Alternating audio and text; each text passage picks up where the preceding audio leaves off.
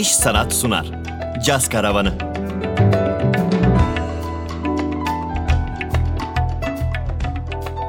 Ben Eray Aytimur ve bugünkü konuğumuz gitarist, besteci, aranjör Cenk Erdoğan. Caz Karavanı başlıyor.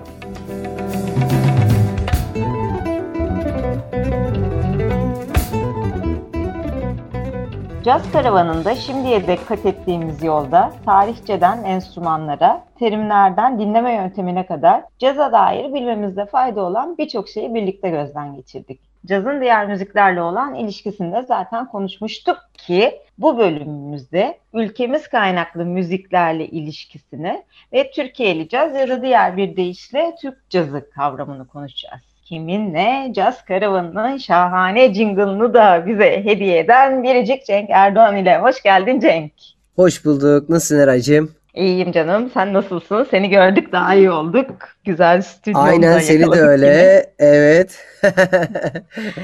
Ee, öncelikle jingle'ımız için çok teşekkür ediyoruz ve onu çok seviyoruz. Rica ederim. Rica ederim. Din, ben besteledim. İnsanlar dinlesin, kullansın diye. Bak ne güzel oldu işte. Şak şak şak şak şak o zaman. Peki.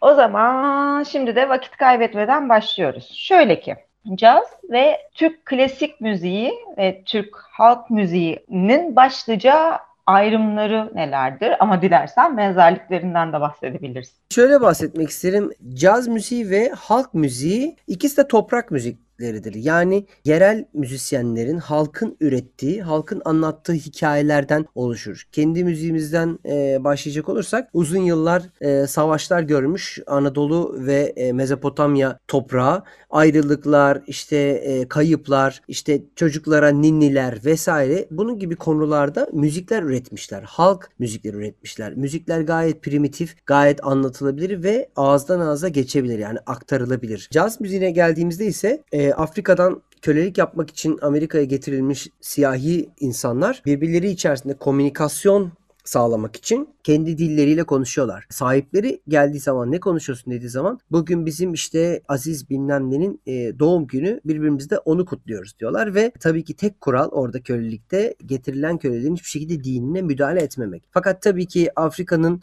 çok dinli bir toprak olduğunu düşünürsek bu adamlar her gün bir şey konuşuyorlar e, ve bir şeyler paylaşıyorlar ve akşamları müzik yapıyorlar kaldıkları yerde. Dolayısıyla çok ciddi bir Afro kültürü Amerika'nın içerisinde yerleşmiş oluyor. Savaş bittikten sonra Avrupa'ya gidip eğitim alıp geri dönen siyahi müzisyenler diyeyim cazın temellerini oluşturuyorlar. Blues'un ve cazın temellerini oluşturuyorlar. Şimdi bu iki müzik birbiriyle çok eş noktalarda. Farklı hikayeleri kendi açısından anlatıyor. Ancak klasik Türk müziği ise birazcık daha klasik Batı müziği gibi bir level'da. Yani yazılmış, çizilmiş, bestelenmiş, üzerine düşünülmüş, kurgulanmış bir müzik. Tabii ki doğal yolla bestelenmiş, e, halk müziği kadar doğal değil. Bu yüzdendir ki padişah makam bulana altın verdiği içindir ki bir rivayete göre yaklaşık 250 ve 250'nin üzerinde makamımız var. Bu yüzdendir ki e, çok ciddi enstrüman eserleri, virtüözite içeren enstrüman eserleri yazılmış klasik Türk müzikisinde. Bunların en önemli, bu arada padişahlarımız da biliyorsun müzisyen. Çok fazla bestekar evet. padişahlar var. Tabii ki Türk müziğin içerisindeki de Türk müziğinin Coltrane'i de Tamburi Cemil Bey. Yani inanılmaz eserler ve besteler bırakmış bir sanatçı. Dolayısıyla bu arada bu üç müziğin en ortak noktası da improvizasyon. Yani bizde bir bağlama açışıyla başlanır şarkıya halk müziğinde ve şarkı girer. Caz müziğinde şarkının ortasında bir improvizasyon ya da introda bir improvizasyon olur. Son derece özgür. Hiçbir kanunu kuralı olmadan. Türk müziğinde ise olduğumuz makam içerisinde gitmek zorunda olduğumuz yerler vardır. O yerleri ziyaret ederiz, kapıları açarız, gezeriz, tozarız, tekrar evimizin kapısına geri döneriz. Yani ana makamımıza geri döneriz gibi bir şey var. Dolayısıyla da benzerlikleri ve farkları da bu. Cenk Osmanlı döneminde eğer padişah olmasaydın e, kese kese altına olan bir mesajı olurdun eminim ki. ah nerede ya? Pekala bu ayrımın çok bu çok güzel gerçekten özetlediğin benzerlikler ve farklılıkları daha doğrusu özetlediğin karakteristiğin e, cazla Türkiye dışındaki doğu kültürlerini, müzikleriyle de olduğunu söyleyebilir miyiz? E, tabii ki yani sonuçta her kültürün müziğinde improvizasyon var. Yani Hint müziğinde de improvizasyon var. Yani raga ve melodi çalındıktan sonra arada e, enstrümaniste ya da şarkıcıya boşluklar bırakılır. Tabii ki aslına bakarsan şu Türkiye'den aşağı doğru indiğimiz zaman kocaman bir İran ve Pers kültürü duruyor orada. Yani 4000 sene önce yazılmış şarkıların olduğu bir kültür var. E, ve tabii ki onların biraz daha yukarısında Azerbaycan e, müziği. Bence çok karakterli bir müzik. Yani nerede duysan anlayacağın işte altı zamanlı müziklerin çok oldu. Ve hemen oradan yani yavaş yavaş böyle Uygur bölgesine kadar e, bu Mezopotamya'nın ve Türkiye'nin, İran'ın karışımı olan bir müzik var. Uygur coğrafyasından sonra yavaş yavaş Çin ve Japon işte gamlarının ve armonilerinin tınladığı şeyler başlıyor. Hemen altında da demin anlattığım gibi işte Hint müziği bambaşka bir e, ritmik ve ifade biçimiyle e, karşımıza çıkıyor. E, onun da cazla buluşması hepimizin çok sevdiği Shakti grubu yani John McLaughlin, Zakir Hüseyin'le olan e, buluşmasıyla beraber bambaşka bir boyut alıyor ve Hint müziği daha çok caz müziğin içerisine girmeye başlıyor. Peki o zaman biz yine Türk müziği kısmına dönelim. Türk müziği enstrümanlarıyla bildiğimiz anlamda caz yapılabilir mi?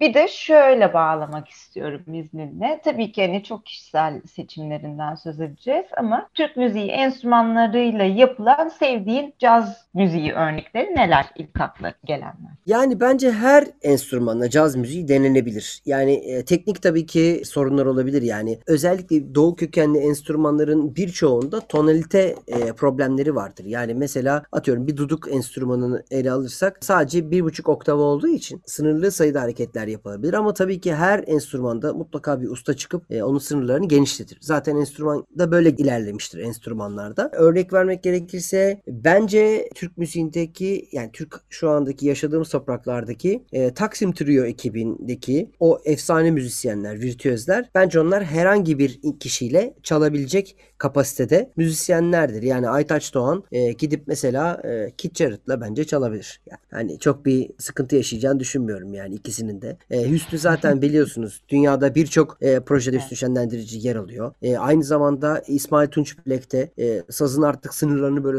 sonuna kadar açmış bir müzisyen olduğu için herkes de çalabilir. Enteresan etti mesela ney enstrümanıyla ney üfleyerek e, çok çeşitli yabancı müziklerin içerisinde yani caz müziklerin içerisine giren işler var. Mercan Dede birazcık elektronik müziğiyle bunu buluşturdu biliyorsunuz sevgili Mercan. Hı hı. Dede. Yani bunlar önemli örnekler bence. Türk müziğinin açılmasını sağlayan önemli örnekler yani. Pekala bir de enstrüman kullanımından bağımsız olarak hani müzisyenin tavrının da müziğin kimliğini belirleyen bir öğe olduğunu düşündüğümüzde senin o çok sevdiğimiz Fermata albümünden ilerleyelim istiyorum. Bu bir gitar, bas, davul trio albümü. Fakat özellikle bazı parçalardaki tavrın Türk müziği formlarına çok yakın. Burada işte o demin anlattığın müziğin batılı ve doğulu kimliğini ayıran sınırlar neler senin için? Ee, şimdi şöyle ben e, caz müziği eğitimi aldım. Ee, caz müziği armonisi ve batı harmonisi bir yandan da klasik kompozisyon da çalıştım. Ee, dolayısıyla batı müziğine hakimim. Öğrendim orayı. Bir yandan da içimde hiç bitmek bilmeyen halk müziği, Türk müziği sevgisi var. Enstrümanı elime aldığım zaman kendi melodimi, kendi topraklarımdaki melodileri çalmak çok hoşuma gidiyor. İşte bunu bu iki müziği nasıl birleştiririm diye düşündüğüm zaman şunu fark ettim ki caz vocabulary'siyle yani caz terimleriyle, caz lügatıyla bir müzik yapıyorum ama bunu Türkçe aksanla söylüyorum. Yani Amerika'ya, New York'a gidip de e, water demiyorum da e, water diyorum. Yani T'ye basıyorum, R'yi patlatıyorum. Bütün bu cümleleri bu şekilde kullanıyorum. Çünkü aslında ben Türk'üm ve e, bu topraklarda yaşıyorum ve bu toprakların tınısını, tavrını çok seviyorum. E bunu Batı müziğiyle birleştirmek istediğim zaman elimde her şey var. Melodik yapı var, makamsal öğeler var, yani komalar var. Perdesiz gitar çaldığım için e, bir Batı enstrümanı yani Batı dilinden de konuşabilecek bir enstrümanı çaldığım için bunların ikisini birleştiriyorum. Ve çıkmış olduğum turlarda da geçtiğimiz son birkaç sene içerisinde ki e, yaklaşık 90 konsere kadar yaklaştı bunlar. Son bir iki buçuk sene pandemi öncesindeki şeyi katarsak. Orada şunu gördüm ki kendi kökeninden bir şey katmadan yaptığın hiçbir müzik yurt dışındaki insanları kattığın kadar etkilemiyor. Çünkü zaten onlar kendi müziklerini biliyorlar. Seninle bir benzerini dinliyorlar. Ama sen orijinal bir şey getirirsen ve onların dinleyebileceği bir formatta onlara sunarsan onlar alıyorlar o müziği ve sahipleniyorlar. Tamam. İlerleyen dakikalarda bağlantılı bir sorum daha olabilir bu konuyla ilgili. Peki, Gelelim şimdi Bekliyorum. asıl meselemize. Bu arada hani hatalı bir kullanımsa şayet yaptığım lütfen beni de düzelt. Türk cazı veya Türkiye'li caz diye bir kavram var mı? Ya da yerel caz diye bir kavram var mı aslında? Biraz daha genişleterek sıcak olursam. Şu bakımdan biçimsel tartışmalar bir yana hani kuzey cazı deyince zihnimizde belli bir sound yankılanıyor ya Türkiye'li caz ya da Türk cazı için de bu geçerli mi? Bu. Yani bu tabii benim böyle içimde kanayan bir yara şeklinde. Şimdi kuzey cazı dediğimiz zaman şimdi neler geliyor? Hemen küçücük şöyle özetleyeyim. Kuzey ülkeleri sakin, soğuk, donuk ve e, telaşın olmadığı ülkeler. Şimdi müziğin içerisinde bunların hepsi var. Akorlarında var, melodik yapılarında var, insanların çalışlarında var falan filan. Şimdi hemen buradan özetle şöyle bir şey söylemek istiyorum. Son yaklaşık bir 15 yıl içerisinde dünyada çok büyük bir hegemonyası olan İsrail cazı dediğimiz bir müzik var. Hmm, evet. Aslında bizim müziğimize çok benzeyen fakat e, bizim müziğimizden çok daha evrensel boyutlara ulaşmış bir müzik stili. Buradaki başarıyı da şöyle görüyorum ki dinlediğiniz şeyler içerisinde en büyük örneklerinden bir tanesi Avishai Cohen, basçı Avishai Cohen, trompetçi değil. Basçı Avishai Cohen'in müziğini dinlediğiniz zaman çok basit Sefarat müziğinin beşlik zamanları, yedilik zamanları ve loop eden tekrarlı yani taran tan tan tan tan taran tan taran tan tan tan tara ta tara tara taran tan şu rifflerini alarak bunu aynen benim demin kendi müziğimde örneklediğim gibi bir formatla caz içerisinde caz müziği dünyasına sundu. Ve tabii ki en büyük olay bunun arkasında durdular. Yani bunu devam ettirdiler. Son derece loop eden, küçük cümlelerden oluşan, e, melodik ama dikkat ederseniz aşağısında çok ciddi bir seferat kültürü olan, kültürünü barındıran Evet. bir müzik. Şimdi biz tabii ki maalesef hayat boyu batıya özendiğimiz için yani ta Cumhuriyet'in kuruluşundan beri Batı formlarını buraya getirip kendi kültürümüzle buluşturma çabasını hala sarf ettiğimiz için ve her zaman buradan bir müzik üretildiğinde ya işte bilmem ne gibi yani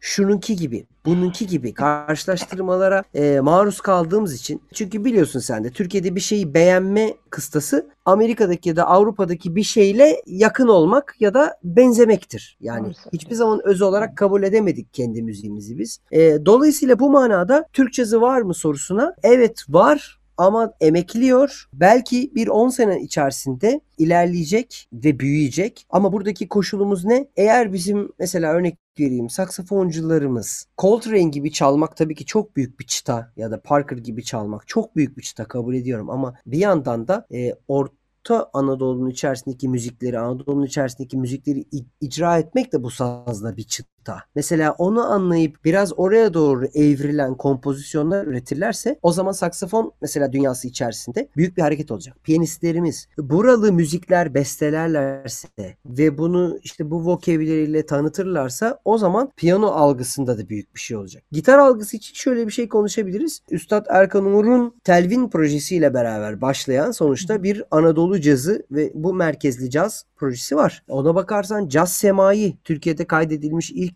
caz Tabii. albümlerinden bir tanesi. İlk caz plağı hatta. Caz Semai'de enteresan enteresan yaklaşımlar var vesaire. Yani birazcık daha kendimize dönersek bence bu Türk cazı konusunda çok büyük bir ilerleme sağlayacağız. Sadece işte paket konusu var ya. Yani bu işin kapağını her şeyi yaptın. Bunun kapağını kapayıp kurdeleyi çektiğin anda o kurdelenin Türkiye olması lazım. Yani sen ister buna Türkiye'li dersin ya da Türk dersin. O kurdelenin öyle olması. İçini açan adam bir Türkiye şeyi alması gerekiyor. O paket çok önemli. Evet geldik yine zarf ve mazruf meselesine yani. Ama doğru söylüyorsun. Evet. Pekala mesela bir halk türküsüne ya da klasik Türk müziği şarkısına bir makam müziği örneğini veya bir Türkçe pop şarkısına e, caz aranjmanı yaptığımızda hala işte az önce sözünü ettiğimiz Türkiye caz, Türk cazı, e, Türkiye'li caz üretimini sürdürüyor olur muyuz? Bunları da tabii yani bir taraf olarak bir, bir şeyin tarafı ya da bir gizli ajandayla sormuyorum. Gerçekten bilgi amaçlı soruyorum. Yani teknik olarak hala Türkiye'li Türk cazı, işte Türkiye caz üretiyor olur muyuz? Kısacası bu. Ya ben açıkçası şöyle bir taraftayım. Tabii ki çok güzel örnekleri var bunun. Yani hakikaten çok çok iyi örnekleri var ama orijinal müzik olmazsa yazılı müzik olmazsa yani bu konsept düşürülerek yazılı müzik olmazsa yine biz oraya gelemeyiz. Tamam halk müziği parçaları özellikle işte son yıllarda biliyorsun canımız ciğerimiz e, Jülide Özçelik'in yapmış olduğu yürümüş olduğu yol. İlk albüm, ikinci albüm vesaire. Şimdi dışarıdan bakıldığın zaman şöyle değil mi? Tamamıyla bir caz yani bossa novalar bilmem neler falan. Oradaki tek Türkiye e, Türk olan öğe ve Türk cazına ait olan öğe e, Jülide'nin duru okuması, duru söylemesi parçayı. Yani makamı bozmadan, fazla egzecere etmeden söylemesi. E şimdi bu manada bakarsak bu Türkiye caz mıdır? Çok da değildir yani. Hani ama mesela yani örnek verebileceğim tam da böyle doğru örnek hani veremiyorum yani aslına bakarsan. Mesela tamam hani ukalalık e, kabul etmesinler lütfen dinleyiciler ama mesela Kara Gider belki bir Türkiye caza örnektir. Yani çünkü e, Kürdi makamında bir melodi A'sı B'si olan ve yükselen C'si olan ve işte aşağısında da yazı olan yani konturbasın sabit şeyler çaldığı, e, kontur puanlar yaptığı vesairesi yani düşünülmüş bir yazı var orada. O mesela örnek olabilir yani. Kendimden örnek verdim kusura bakmasınlar ama yani amacım ve hedefim olduğu için söyledim. Ee, Tabii tabii lü- lütfen ayrıca da çok yerinde bir örnek oldu zaten önceki sorularda Ama da dediğim gibi yani bu belirttim. tarz evet ama mesela tekrar gene örnek vereyim. Bir Serdar Ortaç parçasını caz şeklinde yorumlamak Türk cazı değil. Teşekkür Yani o ederim. bir yorumdur. Yani yani pop parçasını caz gibi yorumlamaktır. Ya da ne bileyim işte bir halk müziği parçasını caz gibi yorumlamak şöyle bir şeydir. Halk müziği parçasını caz gibi yorumlamaktır. Yani sonuçta o yani o melodi bizim zaten. Anlatabiliyor muyum? Yani sistem bu diye düşünüyorum. Evet, şahanesin. Tam da e, benim en azından duymaktan çok mutlu olduğum bir cevap oldu. Ayrıca teşekkür ederim. Pekala, Kesecekler bizi şimdi ortadan iki.